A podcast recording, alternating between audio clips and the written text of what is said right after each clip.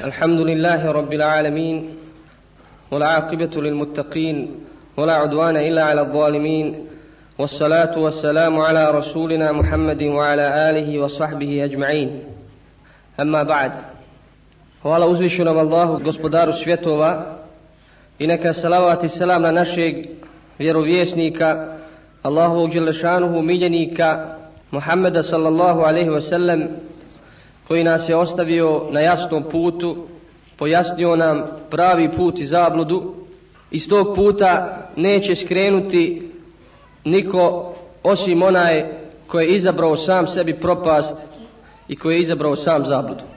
Ova vremena u kojima živimo danas, oni koji se pridržavaju vjere su stranci u svom narodu, tuđinci su na svom kućnom pragu, nepoželjni su na mnogim mjestima. I to ništa ne treba da čudi i ne treba da uznemirava onoga ko se pridržava vjere. Jer je to Allahov Đelešanuhu sunnet, to jest Allahov zakon koji je postavio na ovoj zemlji i koji će ostati do sudnjega dana. To jest da će sljedbenici istine, sljedbenici Kur'ana i sunneta uvijek biti omalovažavani, uvijek biti nepoželjni, nazivani raznim imenima sve dok ne dođe Allahova Đelešanu odredba i dok ne dođe pobjeda ovoj vjeri. Bez obzira što živimo u muslimanskoj zemlji, bez obzira što je većina muslimana oko nas, živimo u jednom neislamskom društvu. Živimo u iskvarenom i pokvarenom društvu kojeg vode pokvaranjaci i gdje inicijativu i glavnu riječ vode sljedbenici zablude i sljedbenici laži. Nažalost, takvo je stanje, bez obzira što je ovo muslimanska zemlja. Ono društvo kome prevladava zlo, kome prevladava pokvarenost, izopačenost, blud, prostitucija, prelaženje Allahovih granica, to društvo je neislamsko društvo.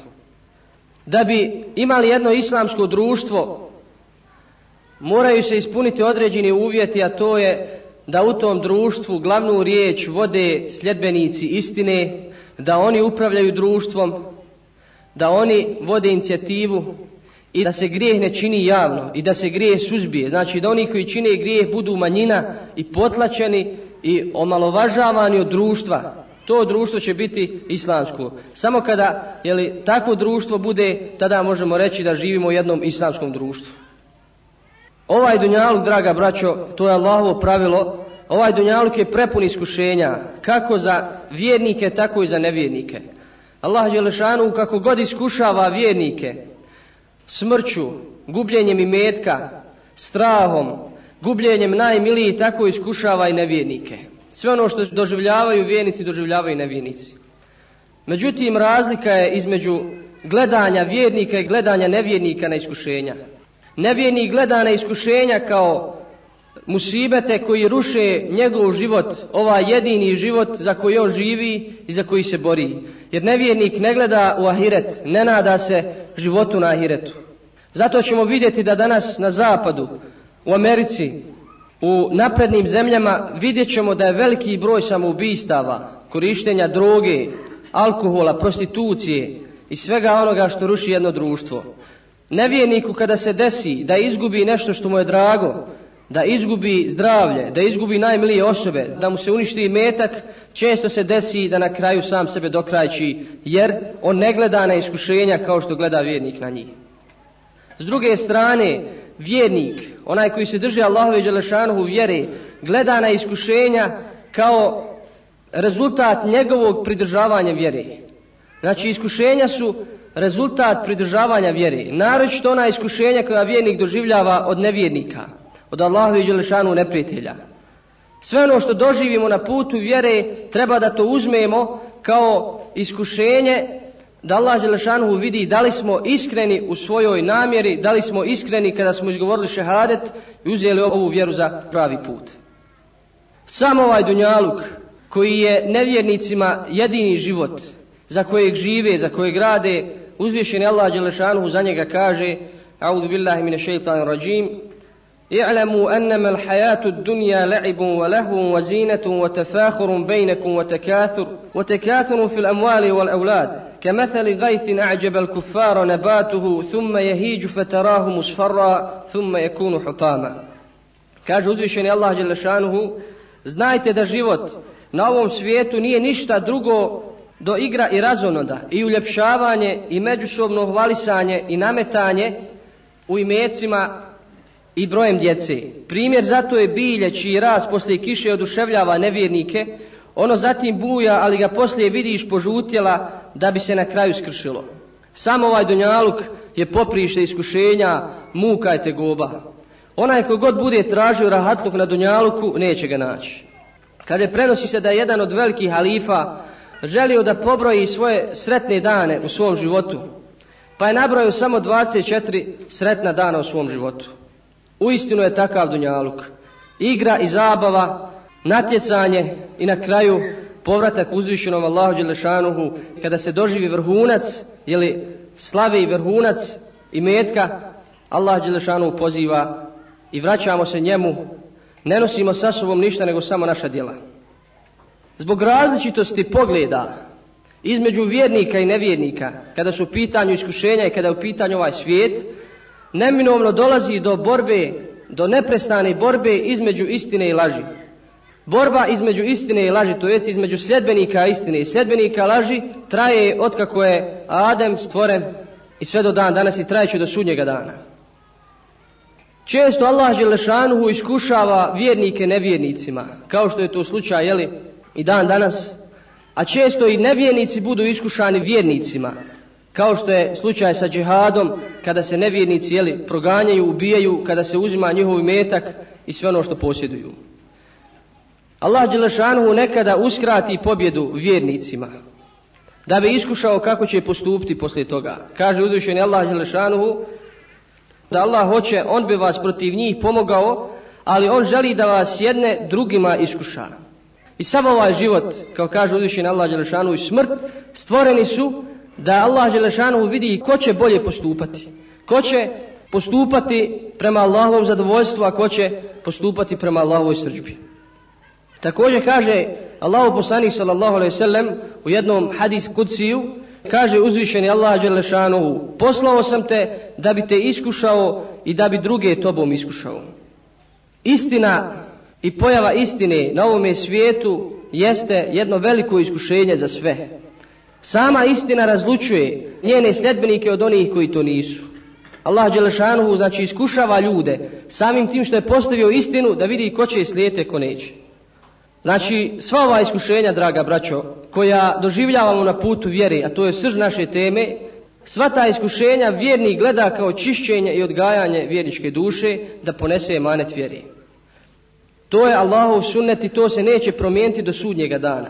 Iskušenja su neminovna bez obzira koliko mi bili nespremni za njih, bez obzira koliko bili slabi naši imani. Poslije iskušenja vjernik može biti u jednom od dva stanja. Prvo stanje da posustane i da ostavi pravi put i da ostavi ono što je razlog njegovih iskušenja, njegovog mučenja, njegovih nevolja i tako dalje. To je ono što niko od nas ne bi želio. I to je stanje oni koji su slabog imana, nepokolebljivi, koji nisu bili iskreni u svojoj namjeri kada su rekli gospodaru odazivamo ti se. Uzvišeni Allah Đelešanuhu za takve kaže u Koranu, za oni koji posustaju, ne izdržavaju, koji su pokolebljivi, kaže, a'udhu billahi mine šeitanu rađim, ومن الناس من يقول آمنا بالله فإذا أوذي في الله جعل فتنة الناس كعذاب الله Ima ljudi koji govore vjerujemo u Allaha, a kada neki radi Allaha bude namuke stavljen, smatra da je ljudsko mučenje isto što je Allahova kazna. Iskušenja su neminovna, draga braćo. I sve ono što pogodi čovjeka od iskušenja na putu vjere, treba da to veliko dušno prihvati i da bude strpljiv na tome, znajući da je to od uzvišenog Allaha Đelešanu. Ne da kori svoju vjeru i svoj put, ne udubila što ga može u nevjerstvo odvesti. Pa da kaže, ova vjera me dovela u ovakvo stanje. Zbog mog pridržavanja vjere, zbog mog praktikovanja vjere, ljudi me gledaju ispod oka. Ljudi me omalovažavaju, ne prihvaćam sam u društvu, smatraju nas ovakvima, smatraju nas nazadnim i tako dalje. Ako takva razmišljanja dođu u glavu jednog vjernika, postoji velika opasnost da skrene s pravoga puta. Mi nažalost imamo dosta primjera u našoj svakodnevnici, oni koji se držali vjere pa su zbog iskušenja na koja su nailazili, popustili su svojoj vjeri ili su u potpunosti na ostavili pravi put i odali se zabludi i odali se e, džahilijetu i svemu onome čemu poziva džahilijet. Također uzvišen Allah Đelešanu kaže ومن الناس من يعبد الله على حرف فإن أصابه خير اطمأن به وإن أصابته فتنة انقلب على وجهه خسر الدنيا والآخرة kaže uzvišeni Allah Đelešanu ima ljudi koji Allahu robuju bez pravog uvjerenja nisu uvjereni da je to pravi put ako ga prati sreća on je smiren znači ako nema iskušenja ako u rahatluku on je smiren drži se tog puta ako zapadne i u najmanje iskušenje, vraća se na vjerstvu, pa tako izgubi i ovaj i onaj svijet, to je uistinu očiti gubitak. Mi ne smijemo, draga braćo, posustati. Malaksalost u okvirima normalnog je dozvoljena. Malaksalost imana, malaksalost. Međutim, malaksalost ne smije da ode do te mjere da čovjeka odvede s pravog puta. Mi znamo da nije lahko živjeti u okolnostima u kojima mi živimo. Nije lahko sprovoditi vjeru, ali to je Allahu Želešanuhu sunnet. Iskušenja su e, neminovna pratnja pravoga puta. Put do dženeta, do Allahu Đelešanu, zadovoljstva je prekriven trnjem, prekriven neugodnostima, kao što se bilježi u hadisu, a put do džehennema je prekriven lagodnostima, rahatlukom i tako dalje, do džehennema.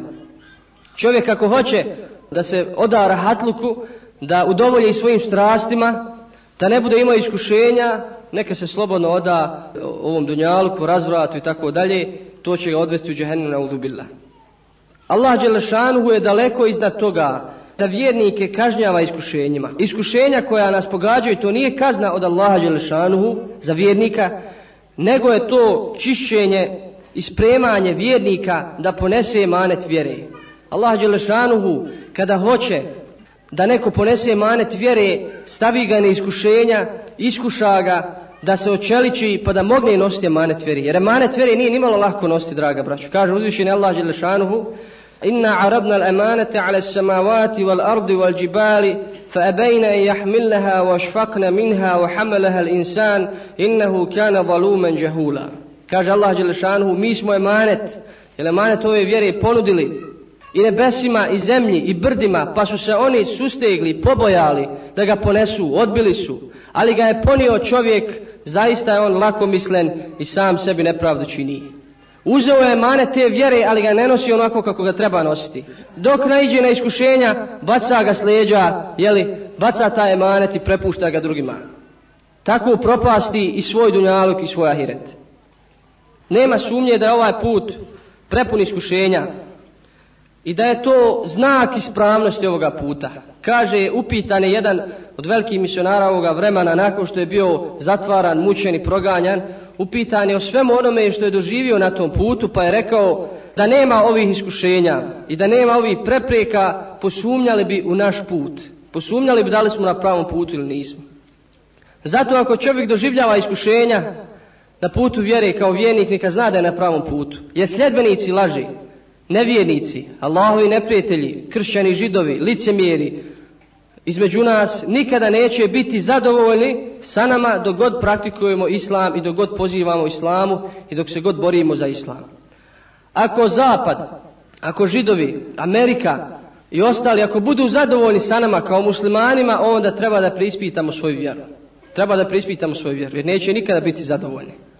Čudo je da danas imamo jeli, muslimana u islamskom umetu s kojima su zadovoljni židovi kršćani pa im čestitaju blagdane, pa im čestitaju ovo, pa im čestitaju ono. A nećeš nikada naći da su Amerika, Zapad i ostali da su čestitali muđahidima nešto, nego uvijek napadanja, uvijek prozivanja, teroristi, fundamentalisti, remete svjetski mir, remete sigurnost, tako dalje, tako dalje. Ako ovo čovjek, vjernik, doživi na svome putu i neka zna da je na istini i neka samo poveća svoje, svoje djelovanje i svoje ubjeđenje i svoj iman. Znači prvi je stav da čovjek posustane, ne bila da nas Allah Žešanu sačuva toga, da posustane iz pravog puta i ostavi vjeru. ili u potpunosti ili djelomično. Drugi stav je da bude strpljiv i ostane ustrajan na Allahovom Đelešanovu putu, na putu istine, bez obzira na kakva iskušenja nailaziju. Koliko god se povećavala iskušenja, vjerniku se povećava jekin ubjeđenje da je na pravom putu. Kaže uzvišeni Allah Đelešanu kada govori o poslaniku sallallahu alaihi sallam i o ashabima, kada govori o iskušenjima u koja su oni padali, kroz koja su oni prolazili, kaže الذين قال لهم الناس إن الناس قد جمعوا لكم فاخشوهم فزادهم إيمانا وقالوا حسبنا الله ونعم الوكيل Poslanik sallallahu alejhi ve selleme prolazio kroz iskušenja raznih vrsta, kao i njegove ashabi, naročito u mekanskom periodu. Prolazi su kroz takva iskušenja da je i čak i poslaniku sallallahu alejhi ve sellem koji je bio podržan muđizama, koji je bio podržan melekima, da je dolazio u teško stanje. Kaže Allah dželešanu za njih, oni kojima su ljudi rekli, ljudi se radi vas skupljaju pa i se pripazite i bojte. Kaže, to im je samo ubjeđenje povećalo i rekli su, dovoljan nam je Allah, a divan je on pomagač. To je akida vjernika i to je akida mu'mina. Ono što se dešava danas u islamskom umetu, sa islamskim pokretima, sa buđenjem muslimana, možemo slobodno reći da je slično sa onim što je se dešavalo za vrijeme poslanika sallallahu alejhi ve sellem. Danas su vjernici u manjini, nemoćni, slabi. Prolaze kroz jednu fazu iskušenja. Na njima je da urade sve što je u njihovim mogućnostima i da kažu, kao što je rekao i poslanik s.a.v. dovoljan nam je Allah, a divan je on pomagač. Allah Đelešanuhu nikada neće ostaviti vjernika na cjedilu ako slijedi Allahove naredbe i kloni se Allahovi zabrana. Ako ide pravim putem koji je ostavio Resul sallallahu alaihi sallam. Allah Đelešanuhu neće ga nikada ostaviti na cjedilu. Bez obzira koliko bili malobrojni, bez obzira koliko bili slabi, Allah Đelešanuhu će dati toj malobrojnoj i slaboj skupini na kraju da doživi pobjedu, ali nakon iskušenja, nakon strpljivosti na putu tih iskušenja. Ovo je stav vjernika. Ove riječi je izrekao Ibrahim a.s. isto kada je bačen u vatru, kada je bio nemoćan. Kada su ga uhvatili mušrici i bacili u vatru, pa je rekao hasbi Allahu wa ni'mal wakil. Dovoljan mi je Allah, a divan je on pomagač. Tada Allah Đelešanu šta? Šta čini Allah Đelešanu? Kaže vatri, o vatro, budi hladna i spasonosna za Ibrahima. Vatra se odaziva Allahovoj naredbi i ne naudi, ne prži Ibrahim a.s. Tada Allah Đelešanu daje keramete, nadnaravne jeli, ovaj, pojave, gdje čuva vjerničku skupinu od potpunog uništenja. Takav slučaj je bio na Bedru, kada je Resul sallallahu ve sellem digao visoko ruke uzvišenom Allahu Đelešanovu i rekao gospodaru ako uništiš ovu skupinu vjernika nećete niko na zemlji obožavati. Omjer snaga je bio, jeli, vjernici su bili malobrojni. Mušici puno brojniji, puno naoružaniji, ali Allah Đelešanuhu daje pobjedu. Pobjedu i šalje vojsku svoju vojsku koju oni nisu vidjeli i koji su bili uzrokom njihovog poraza. Tako je stanje i to je Allahu sunne, draga braćo, do sudnjega dana. Vjernici neće biti ostavljeni na cjedilu ako budu pokorni i ako budu davali sve osobe da ustraju na putu ove vjere. Također u bici na Hendeku deset hiljada mušrika i saveznika su opkolili Medinu da unište i da u potpunosti unište poslanika sa selem i one koji su ga slijedili muslimani, ashabi nisu bili naoružani dobro, nisu bili spremni, međutim Allah Đelešanuhu daje vjetar i daje kišu koja je rastjerala sve mušrike bez borbi. To je ono, draga braćo, što nama fali, što nam fali ubjeđenje, da će Allah Đelešanu ovu vjeru pomoći, pa makar to nama na prvi pogled izgledalo nemoguće. Allah Đelešanu je milost, draga braćo, da stavi vjenike na iskušenja iz razloga što mu podari strpljivost, pa izdrži na putu iskušenja i zasluži Allahu Đelešanu nagradu. To je jedan od uzroka iskušenja na putu vjere. Kaže, prenosi se od Sa'da ibn Abi Waqasa da je Allahu poslanik sallallahu alaihi wasallam rekao ljudi sa najvećim iskušenjima su vjerovjesnici, pa zatim oni koji su im najbliži, pa oni najbliži. Čovjek će biti iskušan prema svojoj vjeri. Pa ako mu vjera bude čvrsta, povećat će mu se iskušenja. A ako mu vjera bude labava, bit će iskušan prema svojoj vjeri. Iskušenja će gaziti čovjeka sve do ga ne ostave da hodi po zemlji bez jednog grijeha. Allah Đelešanuhu želi vjerniku dobro. Allah Đelešanuhu zna slabost našu, zna je bolje nego mi, on nas je stvorio, on je naš stvoritelj. Čovjek će biti iskušan prema svojoj vjeri. Onaj koji se bude više pridržavao vjeri, više sprovodio vjeru u praksi, bit će više iskušan. To svi vidimo jeli, našim očima. Znači onaj koji se manje drži vjere, manje sprovodi vjeru, manje je iskušan. Allah Đelešanu želi da uzme naše duše, da bude zadovoljan sa nama. Da uzme naše duše čiste bez grijeha. Da odemo Allahu Đelešanu bez jednog grijeha i to je jedna od mudrosti iskušenja na koja nailazi vjernik na putu vjere. Kaže Ibn Taymije rahimehullah kada su ga zatvorili, kada je bio mučen, kaže šta mi mogu moji neprijatelji? Ako me ubiju, to mi je šehadet. Ako me zatvore, to mi je osamljivanje sa mojim gospodarom. Ako me protjeraju, to mi je turizam na Allahovom putu. U svakom slučaju vjernik nikada ne gubi. Također se prenosi u hadisu koji je sahih Kaže poslanik sallallahu alejhi ve sellem, čudna li je stvar vjernika ili čudan li je slučaj vjernika? Sve što ga pogodi njemu je dobro. Ako ga pogodi musibet kakav iskušenje, on zahvaljuje Allahu dželešanu na tome i strpi se, pa mu bude dobro. Kaže ako ga pogodi kakvo dobro, kaže on zahvaljuje Allahu dželešanu, pa i to bude dobro za njega. Kaže to nije slučaj ni sa kim drugim osim s vjernikom. Ono što je u našim prsima, draga braćo, naša vjera, naša akida, To nam ne mogu nikada uništiti, nikada oteti. Mogu nam zabraniti to ili ovo, ali ono što nam je Allah Đelešanu ulio u naša srca, to nam ne mogu uzeti i to će ih uz Allahu Đelešanu pomoći i na kraju uništiti kada Allah Đelešanu bude to želio. Na putu Islama imamo više vrsta iskušenja, imamo više formi iskušenja. Prvo iskušenje je od laži i njenih sedbenika. Ono što danas doživljavamo na ovim prostorima. Iskušenje od laži i njenih sedbenika. U tu skupinu možemo svrstati razne, jeli, razne kategorije ljudi, kršćane, židove, komuniste, licemjere, ateiste, sekulariste, sve one koji pozivaju laži i koji šire laži, bore se protiv istine.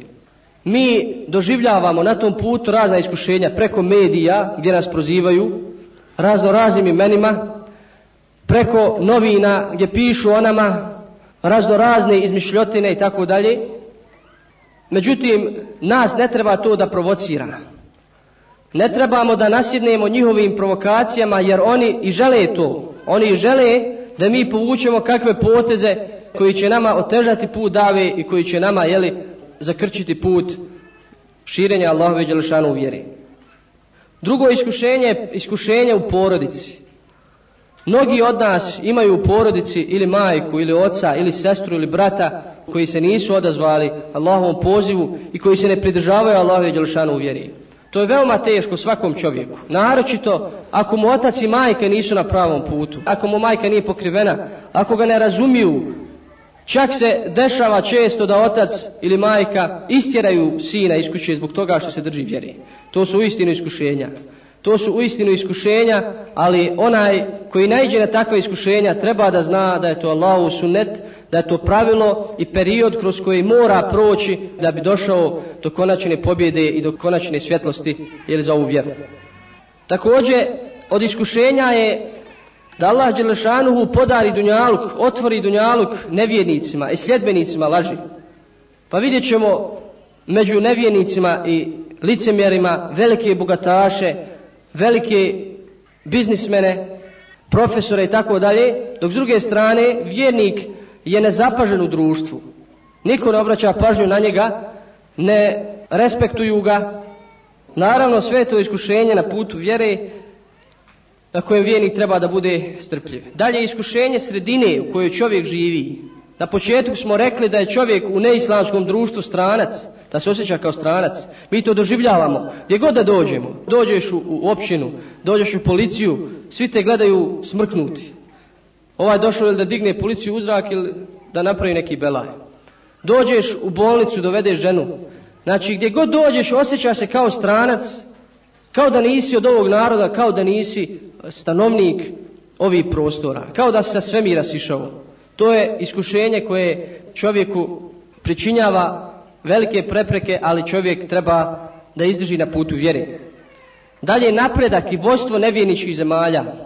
Pogledajmo Bosnu i Hercegovinu. Pogledajmo jeli, Zapad i Ameriku. Došli su da nam kroje ovdje zakon, okupirali su na najmudriji način, okupirali su našu zemlju. Ušli su bez žrtava, zauzeli su najvažnija mjesta u našoj zemlji i kroje nam zakone, pravila po kojima treba da se ponašamo. Ne možemo im ništa sad za sad, jeli? Zbog naše slabosti. Ne mislim zbog slabosti onih koji se pridržavaju vjeri, nego u globalu zbog slabosti muslimana i slabosti ovoga umeta. Da su muslimani kako treba, ne bi dozvolili da mu nevini kuđe u njegovu zemlju. Da mu on bude vojska, jer mi nemamo vojske, oni su nam vojska. Nemamo policije, oni su nam policija. Jer sve što IPTF kaže po našoj policiji, ona mora da to ispuni. Mijenjaju ministre i presnike kako oni hoće. Šta je to nego jedna kolonializacija, jedno mudro okupiranje muslimanske zemlje. Svi bi mi željeli da doživimo da u Bosni i Hercegovini naše sestre po ulicama hodaju pokrivene, da nema kafana, da nema razgoličenosti, da je policija muslimanska, da je vojska muslimanska, da je predsjednik musliman, da se sprovodi Allahov zakon, da se vodi džihad oko nas u nevjeničkim zemljama, da se širi Allahova vjera. Sve bi mi to željeli i to su naše jel, želje i nade, međutim toga još nema. Moraju se ispuniti određeni uzroci da bi došli do pobjede. I to čovjeku predstavlja jedno iskušenje kada nema pobjede. Radi, radi 10, 20, 30 godina na putu vjere, ali nema pobjede. Čovjek ne smije da požuruje rezultate, pa da vidi i ne ide kako treba i on pronalazi neke metode koje nisu šerijetske metode. Koliko god se vjernik pridržavao vjere, sve što se više bude pridržavao vjere, više će biti iskušava na putu vjere. Neminovno je, draga braćo, mi kao sedbenici istine, mi kao oni koji su uzeli manet ove vjere na svoja pleća, neminovno je da prođemo kroz tri etape, kroz tri etape da bi doživjeli pobjedu, da bi doživjeli procvat ove vjere. Prva etapa su iskušenja. Nakon što smo uzeli vjeru, islam za put, moramo proći kroz iskušenja. Zbog čega moramo proći kroz iskušenja? Prvo, da se mi očistimo, da mi očistimo naša srca, da se očeličimo i da budemo sposobni za nošenje emaneta i tereta ove vjere. Drugo, da se razdvoje iskreni od neiskrenih, da se između naših redova razdvoje oni koji nisu iskreni, koji su ušli sa raznoraznim interesima i ciljevima ovu vjeru i u našu zajednicu, znači nisu bili iskreni, a iskušenja će takve odvojiti. Dalje, da Allah Đelešanuhu očisti vjernike od njihovih grijeha.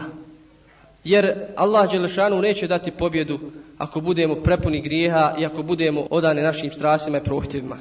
Druga etapa kroz koju trebaju da prođu vjernici, nosioci vjere, jeste sabor, strpljivost na tim iskušenjima strpljivo sa tim iskušenjima je to jedna od najvažnijih etapa. Ako tu padnemo, sve propada. Propada je ono što smo prije stekli, a ne idemo dalje ili ka pobjedi ove vjere i ka uzdizanju istine. I na kraju, nakon što vjernici izdrže sva iskušenja, nakon što se odgoje, nakon što se očeliće, dolazi Allahu Đelešanu pobjeda i dolazi lijep završetak vjernicima koji Allah Đelešanu obećao u kojeg nema nikakve sumnje. Samo treba da saburamo. Došao je jedne prilike Habab ibn Eret, poslaniku sallallahu alaihi wasallam, dok je bio u haremu nasljen na svoj grtač i rekao mu Allahu poslaniće, zašto ne moliš za nas, zašto ne tražiš pomoć za nas? Kaže, na to se poslanik sallallahu alaihi wasallam rasrdi i reče, kaže, zaista su prije vas živjeli narodi kojima bi kaže, stavili pilu na sred glave pa bi ga raspolovili na dva dijela. Kaže, kidali su im meso gvozdenim klještima, odvajali su im meso od kostiju, ali kaže, to nije odvratilo od njihove vjere ali vi ste narod koji požuruje. To je priroda čovjeka da požuruje rezultate, mora se proći etapa iskušenja i mora se izdržati na putu vjere i tek onda Allah Đelešanu daje pobjedu i pomoć ovoj vjeri. Kaže Šafija, upitan jedne prilike imame Šafija, šta je bolje za čovjeka, da bude stabilan i postojan svom životu ili da bude iskušan? Kaže Šafija, neće biti postojan dok ne bude iskušan. Također hadis od Ibn Abbasa, o Sufjanu i Heraklu, kada je Sufjan otišao kod Herakla i govorio mu o novom vjerovjesniku, tada Sufjan nije primio islam, upitao ga je Herakl, upitao je Sufjana, da li se oni bore protiv vas? taj poslanik njegovi sedbenici. Kaže, bore se. Kaže, pa ko pobjeđuje? Kaže, nekada mi je, nekada oni. Kaže, takav je slučaj sa vjerovjesnicima i sedmenicima istine. Kaže, u početku je Allah Đelešanu iskuša, a na kraju im da pobjedu. To je Allahov sunnet koji se jeli, neće promijeniti do sudnjega dana. Nijedan poslanik nije doživio pobjedu dok nije bio iskušan. Svi su morali proći kroz ovu etapu koju smo spominjali. Kaže Allah Đelešanu, a poslanici su i prije tebe lažnim smatrani, pa su trpjeli što su ih u lažu gonili i mučili sve dok im ne bi došla naša pomoć. A niko ne može Allahove riječi izmijeniti i do tebe su doprle o poslanicima neke vijesti. Kada je u pitanju strpljivost na putu iskušenja, imamo tri vrste strpljivosti. I to je vrlo bitno da imamo na umi i da imamo pred našim očima. Prva vrsta je strpljivost na pokornosti. Strpljivost na ibadetu. Namaz, post, zekat i sve ibadeti zahtijevaju od nas strpljivost. Jer nije lahko čovjeku da ustane utri dok svi spavaju, ujutro, da klanja saba, narošto kada je zima da uzme abdes hladnom vodom. Nije lahko čovjeku da čita dan gladuje, da ostavi jelo, piće i sva uživanja radi koga? Radi Allaha Đelešanu. Nije lahko čovjeku da izdvoji metak na Allahovom putu i metak ono što je najdraže srcu. Znači i na ibadetima i na pokornosti neminovane sabori, neminovna je strpljivost. Nije lahko ženi muslimanki da nosi hijab dok je drugi gledaju ispod oka i ružnim pogledima i nazivaju je razno raznim imenima. Nije lahko u ovoj sredini, nije lahko na putu vjere izdržati. Drugo, sabor od grijeha. Treba nam strpljivost da ne padnemo u grije. Nije lahko čovjeku da sačuva svoj jezik od gibeta, od potvore, od nemimeta, prenošenja tuđih riječi. Nije lahko čovjeku da sačuva svoj spolni organ od bluda. Dokaz da nije lahko su riječi Allahog poslanika sallallahu alaihi sallam kada kaže ko mi garantuje za ono što je između njegovi usana, to je za jezik i za stidno mjesto, ja mu garantujem džennet. Jer ono što čovjeka najviše odvede u propast jeste njegov jezik stidno mjesto. Jezik je nestašan, kako kažu, i vrlo ga je teško sačuvati. Vrlo ga je teško sačuvati da ne govori laž, da ne gibeti, da ne potvara, da ne govori ono što ga se ne tiče i tako dalje. Tako isto je spolni organ ili stidno mjesto u ovim vremenima, naročito u ovim vremenima kada su vrata e, svi poroka otvorena, vrata bluda, prostitucije svega su otvorena, izazovi na svakom mjestu jeli, i u svakom vremenu. Nije lahko da čovjek sačuva svoje stidno mjesto. Nažalost, imamo i takvi primjera jeli, gdje ljudi vjernici posustaju i padaju na takvim iskušenjima, da nas Allah Đelšanu toga sačuva. I treće, sabor pri iskušenjima. To je treća vrsta sabora koja je naj, najbitnija za nas u ovim vremenima, gurbetluka ove vjeri. Kaže poslanik sallallahu alaihi ve sellem, Islam je počeo sa strancima, sa tuđincima i vratit će se isto kao što je i počeo, pa blago tim tuđincima. Islam je počeo sa pojedincima, draga braću u mekanskom periodu. Vrlo je mali broj bio oni koji slijedi poslanika sallallahu alaihi sallam. Kaže i tako će se islami vratiti, sve će se na pojedince koji će nositi teret ove vjere, pa blago tim pojedincima. Također, bilježi se jedan hadis koji je radosna vijest za sve one koji se drže Allahove i Đelešanuhu vjere. Kaže poslanik sallallahu alaihi sallam u hadisu kojeg prenosi Abu Tha'lebe, da je Allahu poslanik sallallahu alaihi sallam rekao i za vas će doći dani strpljivosti. Strpljivost u tim danima će biti kao držanje žeravice u ruci. Onaj ko bude radio dobra djela u tim danima imaće nagradu kao 50 ljudi koji rade ista djela. Allahu poslaniće, je li nagradu 50 od njih upitaše ashabi? Ne, nego nagradu 50 od vas. Odgovori poslanik sallallahu alaihi sallam. Hadis je Hasan i znači uzima se kao dokaz u vjeri. Ovo je velika radost za sve one koji se drže vjere u vremenima iskušenja i vremenima kada ova vjera postala stranac. Zato, draga braćo, nagrada 50 ashaba nije mala nagrada. Valja ustrajati na ovom putu. Valja izdržati sva iskušenja da bi se Allahova Đelešanuhu vjera pomogla. Sve što vrijeme odmiče, iskušenja postaju jeli, mnogobrojnija i teža.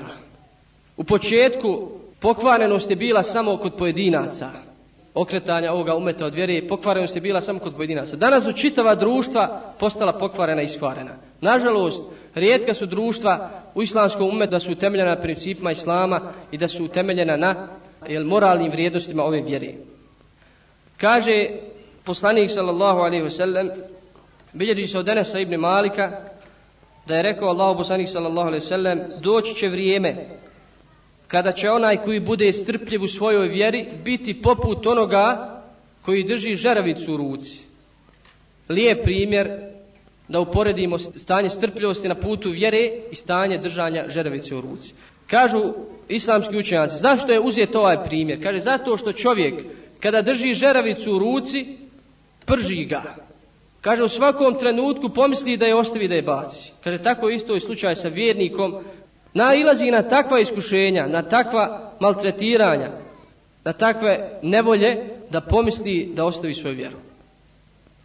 Zato Allah Đelešanu obećava jeli, veliku nagradu za onoga koji izdrži ta iskušenja i naravno da oni koji izdrže ta iskušenja bit će u stanju poslije toga da nose teret ove vjere i da dožive uz Allahu Đelešanu pomoć bilo oni ili bilo njihova pokoljenja, bilo njihovi potomci da dožive pobjedu ove vjere, a nema sumnje da će ova vjera pobjediti jeli, i da će doživjeti svjetlo dana.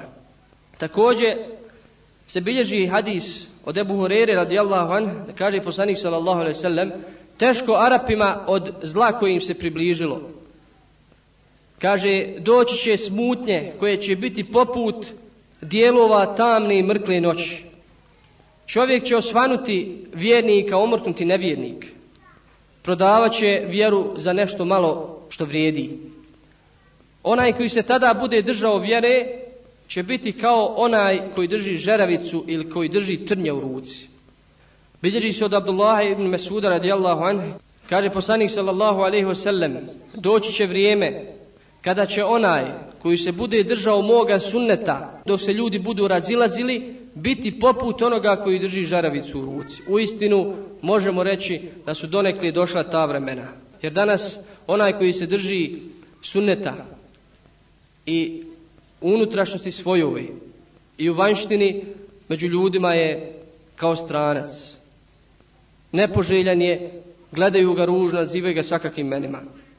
Kaže jedan od islamskih učenjaka, kao što je teško držati žervicu u ruci, tako je teško držati i vjeru u vremenima iskušenja i vremenima smutnje. Naročito iskušenja, draga braćo, doživljavaju oni koji pozivaju oživljavanju sunneta oživljavanju onih stvari koje su zamrle među muslimanima. Pa zato danas vidimo, ako pozivamo oživljavanju sunneta, Allahu poslanik sallallahu selam oživljavanju prade, oživljavanju sunneta pri namazu, oživljavanju bilo kakvih drugih sunneta, vidjet ćemo e, nerazumijevanje kod samih muslimana, vidjet ćemo neprihvatanje kod samih muslimana. Zato spasonosna skupina, pobjedonosna stranka, treba da ima najveći sabor na putu iskušenja. Bez sumnje, da će na tom putu pojaviti se neprijatelji koji će nastojati da nas odvrati od pravog puta i od pozivanja Allahu Đelšanu vjeru. Na prvom redu to su vladari koji danas vladaju islamskim zemljama i koji na sve moguće načine sprečavaju širenje Allahove Đelšanu vjere. Jer oni znaju, ako se prošire Allahove Đelšanu vjera, ako ljudi svate vjeru i krenu pravim putem, da je u tome njima kraj. Zato potežu za nekim drugim metodama. Pa nude islamskim učenjacima u Lemi, nude položaj i nude i metak. Da bi sakrili istinu, da ne bi govorili onako kako treba. I nažalost mnogi padaju i mnogi posustaju i prihvataju i metak. Jer i metak je drag svakom. Zamislite, vlada neke zemlje ponudi islamskom učenjaku 5 miliona dolara. Da ne govori kako treba ili da govori onako kako odgovara vlasti. Samo onaj koji je potpuno iskren prema Allahu Đelešanu to će odbiti. Samo onaj koji se ne boji ničijeg prigovora to će odbiti. Nažalost danas u dosta muslimanskih zemalja ili u većini muslimanskih zemalja imamo takvu lemu koji govore onako kako odgovara vlastima. Rijetki su oni koji govore istinu i koji se ne boje ničijeg prigovora. Rijetki su oni koji odbijaju dunjaluk, ali takvi završavaju u zatvorima ili ubijaju se ili se proganjaju. Kaže Abdurrahman ibn Auf, Iskušavani smo zajedno sa poslanikom sallallahu alejhi ve sellem pa smo izdržali. Kaže, ali kada smo bili u ugodnostima, tada nismo izdržali. Jer zaista su ugodnosti i lagodnosti jel, opasne po čovjeka. Tada se ljudske mogućnosti i ljudska snaga opusti, raštrka se. Međutim, kada je čovjek u iskušenjima, kada ga pogađa iskušenja, tada se mobilizuje sva njegova snaga i sva njegova moć da odoli i da izdrži, da spasi svoj život i svoju vjeru. Isto na putu vjere naići ćemo na druge neprijatelje koji su najžešći, a to su nosioci razno raznih ideja, poput e, ateista, poput sekularista, poput e, liberala i ostali koji pozivaju i odvraćaju od Allah Đelšanu vjeri. Oni koji žele da džamija bude vjera, da se islam svede samo u džamiju na par tespiha i par zikrova i tako dalje. To nije vjera. Islam je univerzalan sistem života koji ulazi u sve pore ljudskog života. Kako u ibadet, tako u ekonomiju, u međusobne ljudske odnose, u rat i tako dalje. Sekularisti, nažalost, i na našim prostorima danas su u usponu i ono što se danas dešava nije ništa drugo do njihova nastojanja jeli, da zakrče put ovoj vjeri, širenju ove vjeri. Nažalost, oni danas načelnici općina su sekularisti, ništa drugo da sekularisti. Oni koji žele da odvoje vjeru od države. Ne treba vjera po njima ili ne smije vjera da se miješa u pitanja politike i pitanja države. To nije put islama, to je put zablude. Naravno, najveću ulogu u odvraćanju ljudi od istine i borbi protiv sledbenika istine imaju mediji. Ima televizija, radio, novine i sve ostalo što odvraća od Allaha u Đelešanu puta. Najići ćemo da se sledbenici istine zivaju raznoraznim menima, da se izmišljaju stvari o njima da su bili takvi, takvi i tako dalje. Šta na kraju, draga braćo? Na kraju ćemo navesti hadis od Allahu poslanika sallallahu alaihi sallam koji bilježi Hudejfe. Ljudi su pitali Allahu poslanika sallallahu alaihi sallam o dobru. A ja sam ga pitao o zlu, bojeći se da ne padnem u njega. Pa mi je, kaže, dao nekoliko savjeta u vremenu kada zlo bude preovladalo Kaže, tada će se pojaviti misionari, pojavit će se daje na vratima džehennema, onaj kojim se bude odazvao, bit će bačen u njega, bit će bačen u džehennem.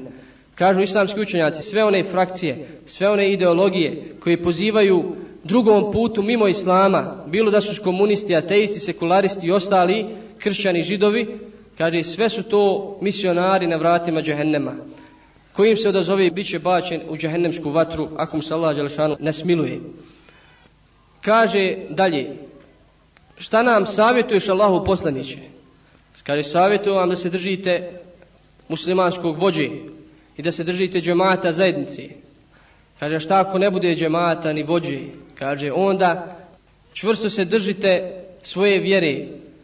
Pa makar, kaže, umrli u takvom stanju da se držite, kaže, za stablo drveta makar umrli u takvom stanju, držite se svoje vjere i ne slijedite ni jednu od tih frakcija. To je rješenje i to je put kada nema imama i kada nema islamske zajednice. Međutim, danas, zahvaljujući Allahu Lješanu, još imamo zajednice muslimana i skupine muslimana koji su organizovani, koji rade organizovano za ovu vjeru. Zato treba da se držimo tih zajednica sve dok su na pravom putu i dok je njihov vođa na pravom putu. U tome je spas, draga braćo, jer odvajanje je opasno za čovjeka. Jer vuk, kao što kaže hadis, vuk jede odbjeglu ovcu. Neće onu koja je u stadu, nego onu koja se odvoji od stada. Pored ovih neprijatelja imamo neprijatelje koji su nam najžešće, to su kršćani židovi, koji spletkare protiv ove vjere. I na kraju, draga braćo, bez obzira na broj neprijatelja, bez obzira na iskušenja koja prolazimo, mi treba da ustrajemo, ne samo da treba, nego moramo ustrajati na ovoj vjeri, jer ponijeli smo emanet ove vjere. Ponijeli smo, teret je težak, put je trnovit, ali je i nagrada velika za onoga koji uspije, koji ponese svoje manet onako kako treba i koji zasluži Allahu Đelešanu zadovoljstvo. Ono što je u našim prsima, to je naše zadovoljstvo i to je naša slast. Bez obzira bili gladni, bili naspavani, bez obzira šta govorili o nama, bez obzira koliko smo jaki, koliko smo malobrojni, naša je slast i naše zadovoljstvo da budemo vjernici. Molim Allaha Đelešanu da pomogne ovu vjeru, da nas učesti na putu iskušenja. Molim Allaha Đelešanuhu da okrene spletke nevinika protiv njih i da ocrni licemjere koji spletkare protiv ove vjere i njenih sedmenika. أقول قولي هذا واستغفر الله لي ولكم إن الله غفور رحيم